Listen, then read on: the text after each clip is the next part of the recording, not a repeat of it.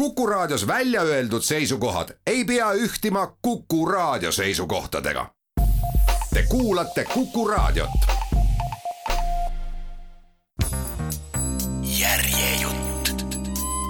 Andres Sarapuu, purelevad koerad, kirjastuselt Kallus. järjejutt. märtsi keskpaigaks, paar nädalat pärast isa surma, olin omadega täitsa segi mu käitumine muutus äärmusest äärmusesse, üks hetk hoolisin emast, järgmine hetk läksin jooma. mäletan, et märtsi lõpus tulin ühel õhtul koju ja hakkasin emaga vaidlema. lõpuks lõin teda rusikaga näkku, ta kukkus külmkapi kõrvale maha. olen teinud elus mitmeid asju, kuid seda ei suuda endale siiamaani andestada. samal õhtul läksin oma nii-öelda sõpradega edasi peole see oli kahekümne neljandal märtsil tuhat üheksasada üheksakümmend viis. olin kunagi soetanud endale püstoli Makarov, mille padrunisalve asemel oli gaasiballoon. püstol oli ümber tehtud välgumihkliks, miks ma selle tol õhtul kaasa võtsin, ei tea. olin Suure Jaani diskol end juba piisavalt purju joonud ja läksin välja diskoteegi ette kakerdama. vaatasin, et üks kutt istub auto kapoti peal ja tõmbab suitsu läbi alko uima meenus mulle, et tulin ju ka ise välja selleks, et tobi teha, kuid olin oma paki garderoobi jätnud. Läksin sama venna käest suitsu küsima, ent tema saatis mu otsesõnu nahhui. see muidugi ei mahtunud mulle pähe. võtsin Makarovi maketi välja ja suunasin tema poole, nõudes, et ta põlvili heidaks. keda sa siin nahhui saatsid? lõin talle püstolipäraga vastu pead ja lükkasin püstolitoru suhu. ütlesin, Raibe, nüüd sa sured sel hetkel tuli üks tema sõber mu selja tagant meie poole. esialgu ta ei näinud, mis toimub. keerasin end nii, et püstolitoru jääks tollele kutile suhu ning et tema sõber seda näeks. hakkasin põlvili olijat püstolipäraga peksma. tolle sõber ehmus ja hakkas paluma, et ma lõpetaks. pekstu kukkus maha, ei mäleta, kas ta oli teadvusel või mitte ja edasi suunasin Makarovi nende mõlema poole. ma nõudsin mõlemalt raha, ei teagi miks pealtnägijaid oli mustmiljon nende seas minu enda sõbrad. Nad oleksid võinud mind peatada, nemad ju teadsid, et see pole päris püstol. sundisin segi pekstu sõpra, et ta tiriks maha kukkunud tüübi autosse tagaistmele, tema enda sundisin juhi kõrvalistmele, ise istusin rooli. käivitasin auto ja hakkasime sõitma. käikusid sundisin vahetama seda, kes istus mu kõrval viimane hetk, mida mäletan, oli lühike sõnavahetus. kõrvalistuja küsis, kuhu me sõidame, vastasin otse. ta karjus, otse on puud, vastasin jah, ma tean. toibusin teadvusele. auto oli kraavis. vaatasin ümberringi, kuid kumbagi ohvrit polnud.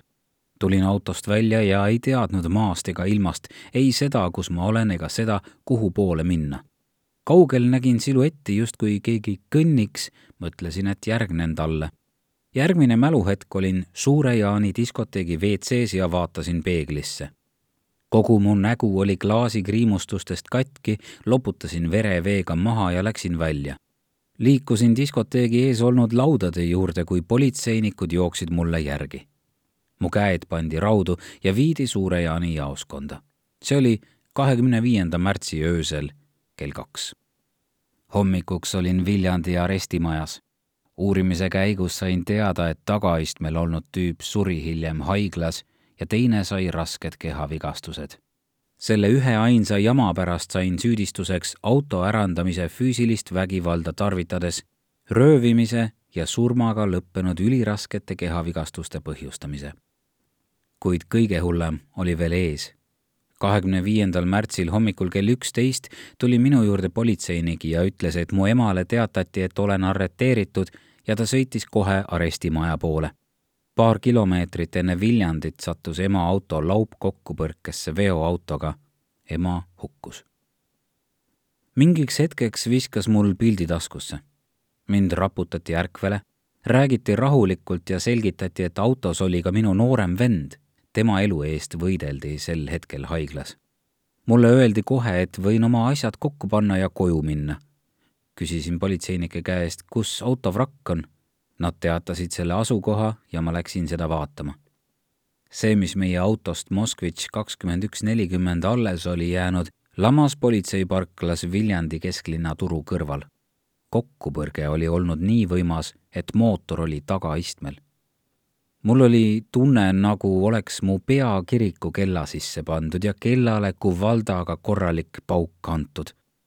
kumin käis üle kogu keha, silme ees oli kõik ähmane, nagu kõnniksin läbi paksu udu jalad vati sees veel samal päeval tahtsin minna haiglasse venda vaatama, kuid ta oli teadvusetu ja mind ei lastud tema juurde. ta oli intensiivravis ja polnud aimu, millal ta võiks ärgata, kui üldse. Sõitsin koju Võhmasse. mitmed ööd järjest magada ei saanud, nutsin kodus olles kõva häälega hingevaludes piineldes. raha polnud, külmkapp oli tühjaks saamas, aga mis isu võib üldse olla sellisel hetkel mul ei olnud sel hetkel enam mitte ühtegi sõpra, kes oleks mind toetama tulnud või pakkunud mingisugustki päästet. siis sain esimest korda aru isa sõnadest. poeg, mõtle, kes on su sõber. Mõtle, kes tuleb su matustele. ükski mu toonastest sõpradest poleks eales mu matustele tulnud väikse erandina meenub üks endine klassivend, kes jäi koolis ainetes maha. kui füüsikaõpetaja tema käest küsis, milles asi, siis vastas ta, et tunneb sarapuule kaasa. õpetaja oli vastanud, mis see sarapuu ema autorooli ronib, kui sõita ei oska kui etapiauto tuhande üheksasaja üheksakümne viienda aasta kahekümne teisel mail Maardu vangla välisväravate juurde sõitis, ei olnud mul veel mitte mingit ettekujutust, mida üks vanglakamber üldse tähendab ja millisesse ma satun. kaks konvoiiri viisid mind väravatest läbi vangla vastuvõtupunktini. välisväravaid lahutas hoone sissekäigust kolmkümmend meetrit. selle lühikese vahemaa läbimisel jagati juba ära mu riided. Kohe selgitan, mida see tähendab. vanglas olid nii-öelda etapipäevad. etapp tähendas Vangla Ekspressi, vangide veoks vastavalt seadistatud autot, mida saadavad sees istudes eriväljaõppega konvoiirid, kaasa arvatud autojuht. tavaliselt oli konvoiire koos juhiga kokku viis. vanad olijad teadsid alati, mis päeval ja mis kell uus etapp tuleb meid transporditi veoautoga Kass viiskümmend üks, millel oli pealt lahtise puitkasti asemel taga metallist kuup see oli kaks koma kaks meetrit kõrge, viis meetrit pikk ja kaks koma neli meetrit lai. seest oli kuup omakorda poolitatud, mistõttu seal oli väga kitsas. mõlemale poole oli kokku pressitud kaheksa vangi, alaealised täisealistega segamini. Venemaal on sellised vanglaautod kasutusel tänapäevalgi. Sellistes kitsastes tingimustes toodi mind Viljandist Maardusse saanud šoki juba sellisest sõidust, lisandus koledustele juba mainitud riiete jagamine. vanad olijad istusid akendel ja karjusid saabuvatele vangidele, antud juhul mulle, Sabil jope, Sabil tossud, Sabil püksid, Sabil kott. kuna vene keel oli mu teine emakeel, siis oskasin aimata, mida Sabil tähendab, kuid ma polnud kindel. Sabil tähendab slängi keeles, paljud venelased kasutavad seda praegugi panin kinni või broneerisin. Sabil ei tähendanud seejuures, et uustulnukatelt oleks midagi jõuga ära võetud. see andis esimesena hõikajale eelisõiguse uut vangi sõnadega töötlema hakata, et ta maageldaks mõne oma asja vastupakutava kehvema asja vastu. Kui keegi mõne eseme juba kinni pani, siis teine sama asja teist korda enam nimetada ei tohtinud. Sabil võisid hõikuda vaid piisava sõnaõigusega kinnipeetavad. sõnaõigus malaletkade mõistes erines oluliselt sellest, mis ta oli Vsražljakkide arusaamas. sõnaõiguse omamiseks ei pidanud olema autoriteet, küll ei saanud seda teha kuked, kitsed, rotid, palandöörid ega snõrrid. Asjade kättesaamiseks mindi muidugi välja hirmufaktori peale, ent üldjuhul midagi jõuga ära ei võetud aga kust mina pidin seda teadma? vastuvõtupunkti jõudes tehti kõikidele läbiotsimine, et korjata ära kõik keelatud esemed. kõik isiklikud asjad pandi kirja kinnipeetava vastuvõtulehele. see on vanglates tänaselgi päeval täpselt sama. vastuvõtupunktis anti sulle voodipesu, linad, madrats, padi, padjapüür ja käterätt. samuti kruus, lusikas, kauss ning elementaarsed hügieenivahendid, kuhu kuulusid seitsmekümne kahe protsendine majapidamisseep, hambahari ja hambapasta. tollal vanglaroobasid ehk rõivaid ei olnud, need tulid alles hiljem. seega kambris olid kõigil seljas enda riided. enne kambrisse minekut saadeti pesema ja tehti arstlik ülevaatus. edasi suunati karantiini kaheksakohaline kamber number kakssada üksteist see oli tavapraktika, et iga uustulnukas pannakse kuni kaheks nädalaks karantiini. selle aja kestel selgitatakse välja tema psühholoogiline taust, uuritakse, kuhu ta ise tahab minna, kas tal on ees tuttavaid ega tal padelnikuid ei ole. viimastega ei tohtinud kunagi samasse kambrisse kokku panna. kui olin vastikult kitsast metalluksest sisse läinud, nägin enda ees seitset vangi mul polnud õrna aimugi, kes nad olid, kus nad olid ja mille eest nad seal olid. tol hetkel ma ei teadnud, et tegu on karantiinikambriga. eestlasi ja venelasi oli umbes pooleks, minu sisseviskamise päeval oli kolm venelast kindlalt Ida-Virumaalt ja üks Tartust.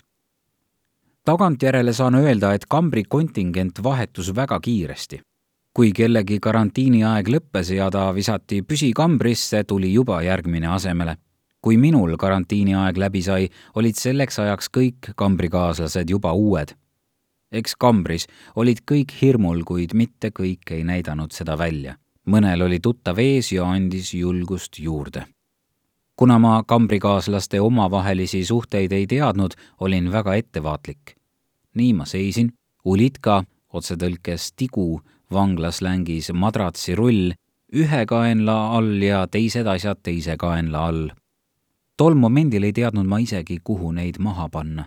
miskipärast tajusin, et oma isiklikke asju lihtsalt maha visata ei tohi.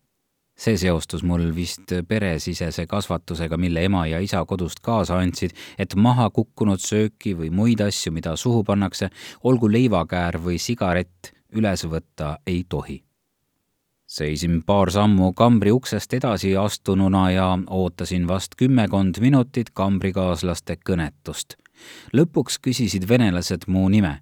vastasin Andres. Nemad pärisid edasi, kas vene keelt räägid?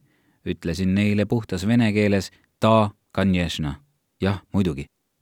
siis tulid standardküsimused, kust pärit oled, mille eest istud ja kas emmi oled imenud. vastasin kõigile küsimustele. edasi näitasid nad tühjale voodikohale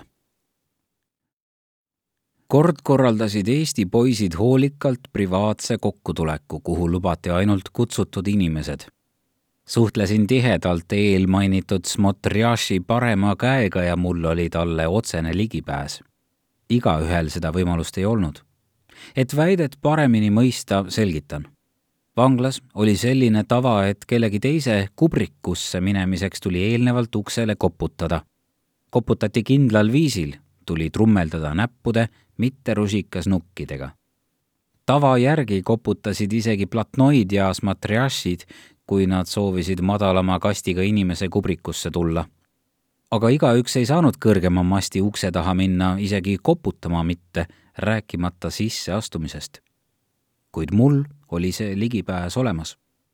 seda nende Eesti kuttide jutt puudutaski. Nad tegid mulle pakkumise. tapa ta ära. Kas suudad? palju raha tahad? ohver oli sama inimene, kes õpetas mind ja rääkis mulle piibliloo, nagu enne jutustasin. mina veel vaatasin seetõttu tema poole imelikult, saamata aru, mis selle loo taga tegelikult oli. ütlesin jaa. nimetasin summa dollarites ning maksmise tingimused. tahtsin saada tonni ette ja teist sama palju pärast ülesande täitmist ma ei tundnud tapetava vastu mitte vähimatki vaenu olin valmis mõrvama puhtalt rahalistel kaalutlustel, ei midagi isiklikku, ainult äri. tol ajal levisid kuulujutud, et eestlastest palgamõrvareid on maailmas palju ja seejuures väga asjalikke. minu kujutluses pidi tellimus olema teostatud täiuslikult, mitte keegi ei tohtinud midagi isegi aimata. mul olid selleks eeldused ma olin lihtsamoelise inimese staatuses kellest keegi ei oleks arvanud, et ta midagi sellist suudaks toime panna. selline mõrv ei nõudnud ainult julgust, vaid ka tarkust. julgust mul oli, lõin ju inimesele haamriga pähe, aga targaks ei pidanud mind keegi. minuga ühel ajal olid samas plokis ka Kemerovo bratva tegelased ja tšetšeenid. Nemad olid kohe-kohe vabanemas ma ei teadnud, kui heades suhetes nad omavahel olid ja kas nendelt või teistelt platnoi kasti kuulunud isikutelt võinuks oodata kättemaksu. igatahes pidanuks töö olema äärmiselt puhas. hakkasin plaani kavandama kohe, kui olin otsustanud pakkumise vastu võtta. ainus ideaalne variant, mida toona nägin, oli teha mõrv teoks poolavalikult treppide peal panin endale tingimuse, et ta sureb sekunditega, nii et ei jõua isegi koriseda. see tähendas, et lühike lai tera peab sisenema talle täpselt kõrisõlme. see omakorda tähendas, et mul pidi olema tema kõrisõlmele vaba ja ootamatu ligipääs. arvestades kõiki tingimusi, oli ainus loogiline variant teha seda teise ja kolmanda korruse vahelisel trepil teades suht täpselt, millal on treppidel suurem liiklus ja millal seda üldse pole, kuid kõik vangid on plokis, oli asi vaid ajastamise küsimus. kuna käisin temaga pidevalt ühel ajal jalutamas, siis polnud ajastamine keeruline. miks just treppidel? sest kui keegi sureb treppidel vägivaldsesse surma, siis laibast möödudes on sinu enese huvides mööduda kehast, justkui sa poleks seda näinud. majas kaameraid ei olnud kui teised vangid näinuks sind korruse peale tulemas, ei suutnuks nad näha otsest seost sinu ja laiba vahel. eriti minu puhul, kes ma olin lihtinimese staatuses, polnuks vangid mingit seost näinud. sobiva tera tegin endale ise. materjalipuudust vanglas kindlasti ei olnud. sättisin end oma arust vaimselt valmis. mingi ebaloomulik, saatanlik innustus saatis mind kuid mida rohkem ma planeerisin, seda tugevamalt hoidis mingi teine ebamaine jõud mind teises reaalsuses, justkui olnuks mu aju ja hing olnud ise kohtades. seda ei saa kirjeldada maisete emotsioonidega, see polnud hirm, südametunnistus, kõhklus, mu peas oli justkui mingi imelik hõljumine ma pole küll kunagi sõjas olnud, aga arvan, et seal on vaenlase tapmine hoopis midagi muud kui inimese külmalt kalkuleeritud kõrvaldamine. kui nende soov ja minu plaan oleks realiseerunud, oleks minu hing olnud täielikult kurjade jõudude võimuses. isegi kui keegi ei oleks kahtlustanud, veel vähem kätte maksma tulnud. iseenda eest ei oleks ma ikkagi suutnud põgeneda planeerimisest asi kaugemale ei jõudnudki. mitte keegi ei teinud sellest pakkumisest kunagi rohkem juttu. sellegipoolest olin pinges, sest minu jaa-sõna oli juba antud. sellest piisas, et kas või mitu kuud hiljem oleks võidud tulla, panna raha laua peale ja öelda, vii asi lõpuni. teine variant, seda jaad oleks võidud kasutada minu enda vastu kujutame ette, et see plaan oleks realiseerunud mis oleks saanud minu staatusest? olin ennast ju mužikiks määratlenud. kas ma oleksin saanud eelisseisundi ja avanud endale tee platnoiks saamiseks ning sealt edasi smotriašiks pürgimiseks? veel ülespoole vaadates oleks kahtlemata kasvanud mu isu luua väljas oma isiklik grupeering. kui oleksin selle teo ka edukalt sooritanud ja teised aimanuks seda, siis tõenäoliselt avanenuks uksed pärani nii ühele kui teisele poole.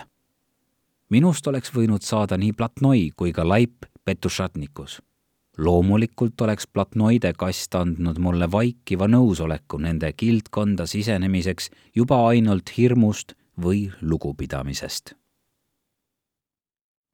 esimene juuni kaks tuhat üks pidanuks justkui rõõmus päev olema mina aga panin end tuppa kinni ja üritasin olla vanglas nii kaua kui vähegi võimalik.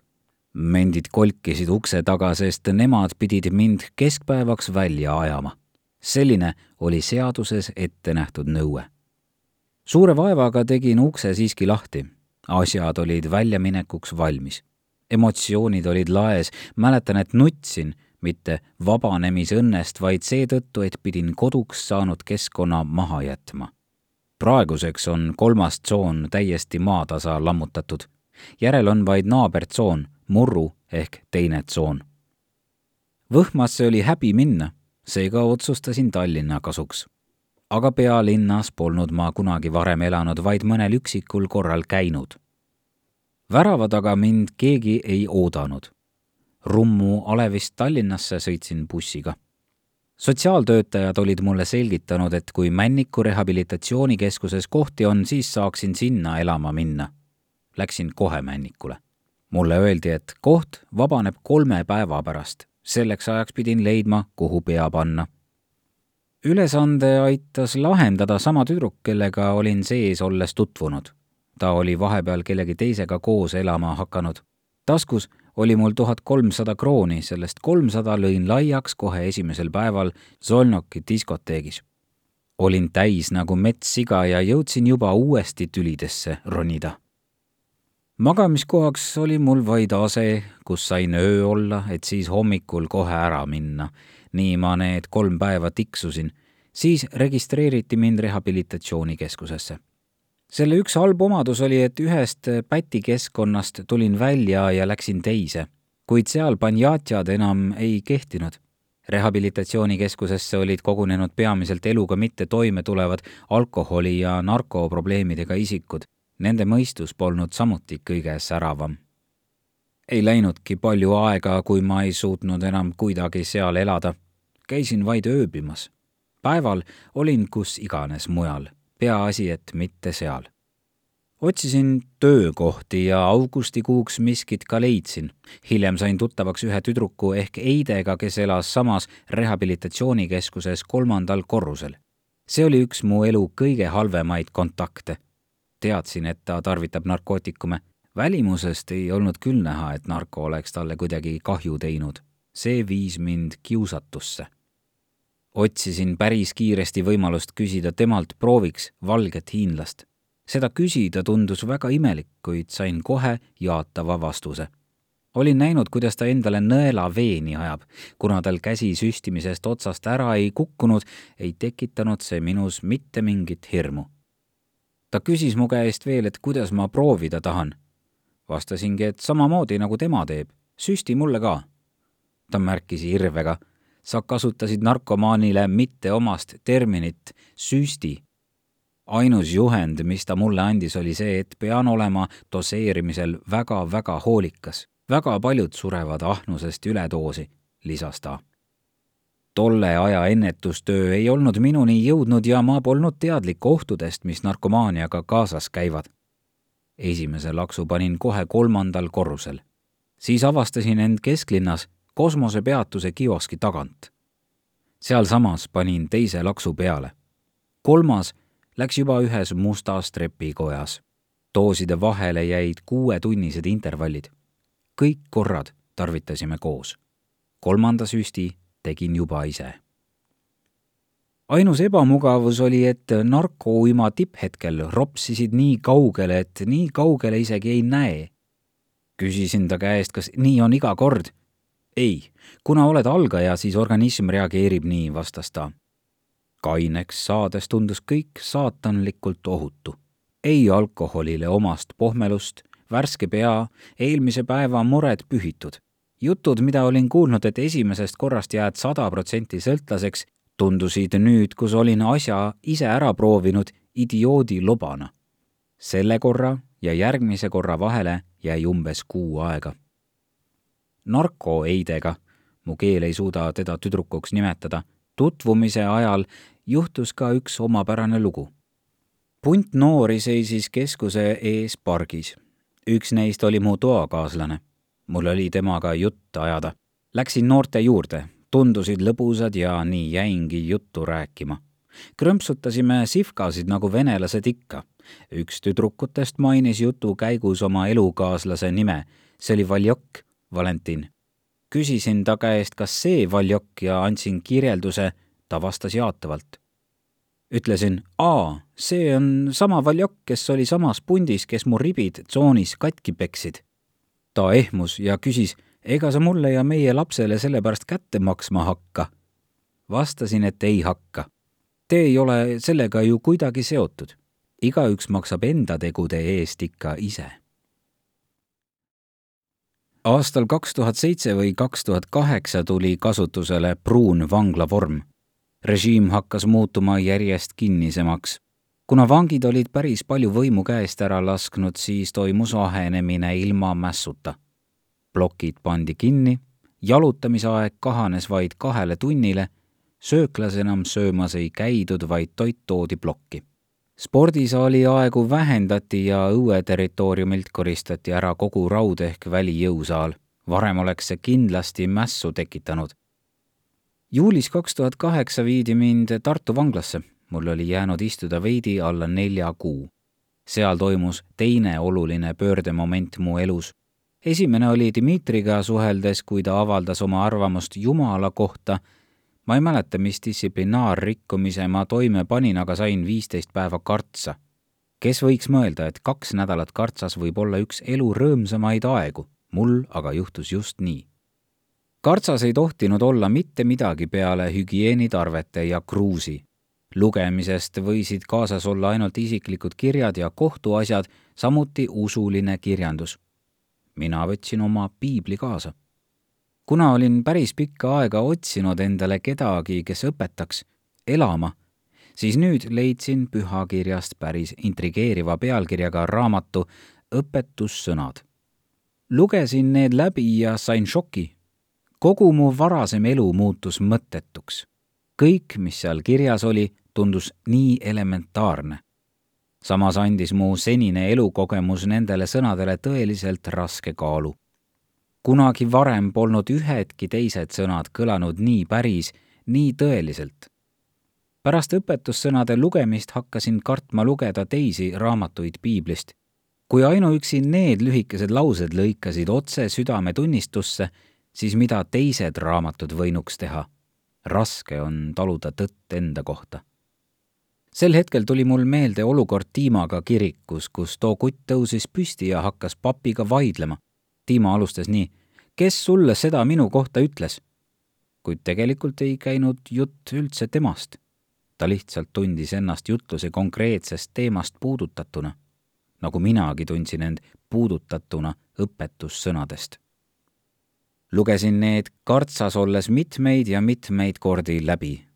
alguses olid nende lõiked mu südametunnistusse ebameeldivad, kuid vaatamata sellele hakkasin neid usaldama kui kartsaaeg hakkas lõpule jõudma, tekkis hirm, et maiste askelduste keskele need tähtsad juhtnöörid ununevad. niisiis otsustasin end kõige tugevamalt puudutanud kirjakohad pähe õppida. mul oli tunne, et viimaks olin endale autoriteedi leidnud. kuid kunagi väga kaua aega tagasi olin kolmandas tsoonis kuulnud mõtet. kui oled kolmekümne aasta kestel saanud selleks, kes oled, siis on rumal loota, et muutud lühikese ajaga uueks inimeseks. olin teinud mitmeid katseid muutuda, kuid need katsed olid igal korral ebaõnnestunud. seetõttu hakkasin sellesse mõttesse suhtuma väga suure lugupidamisega. sain aru, et niipea, kui kartsast välja tulen, tõmbavad maised askeldused mu endasse ja nii juhtuski.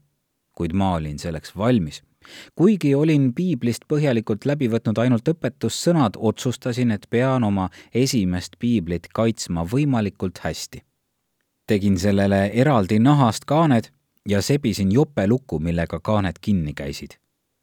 nii vabanesin Tartu vanglast.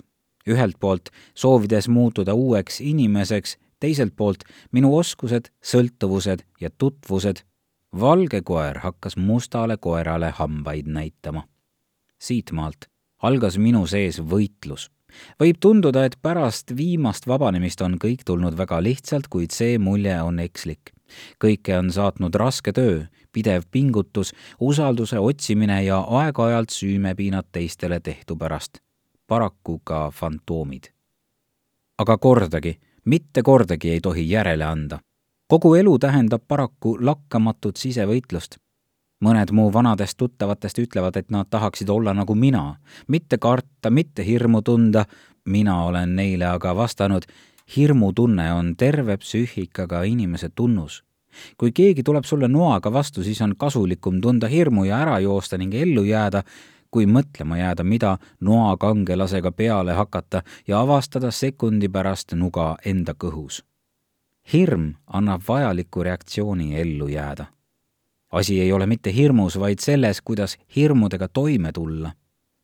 valge koer minus on ajaga kasvanud suureks ja tugevaks, kuid see ei tähenda, et must, lõrisev murdja on kärbunud väiksemaks. ta on lihtsalt ketti pandud kuid vaevalt ma tahan, et ta sealt lahti saaks. kõige lõpuks soovin öelda, et kui keegi tunneb, et olen talle millal iganes liiga teinud, siis leian olevat õiglane tema käest andeks paluda. Ma võib-olla ei mäleta kõiki olukordi, aga see ei vabasta mind kohustusest öelda, anna andeks, kui olen sulle liiga teinud. samas ei vabasta see ka teisi, kellele minul etteheiteid on, vajadusest minult andeks paluda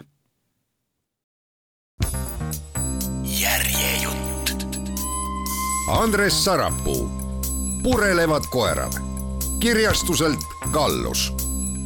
järjejutt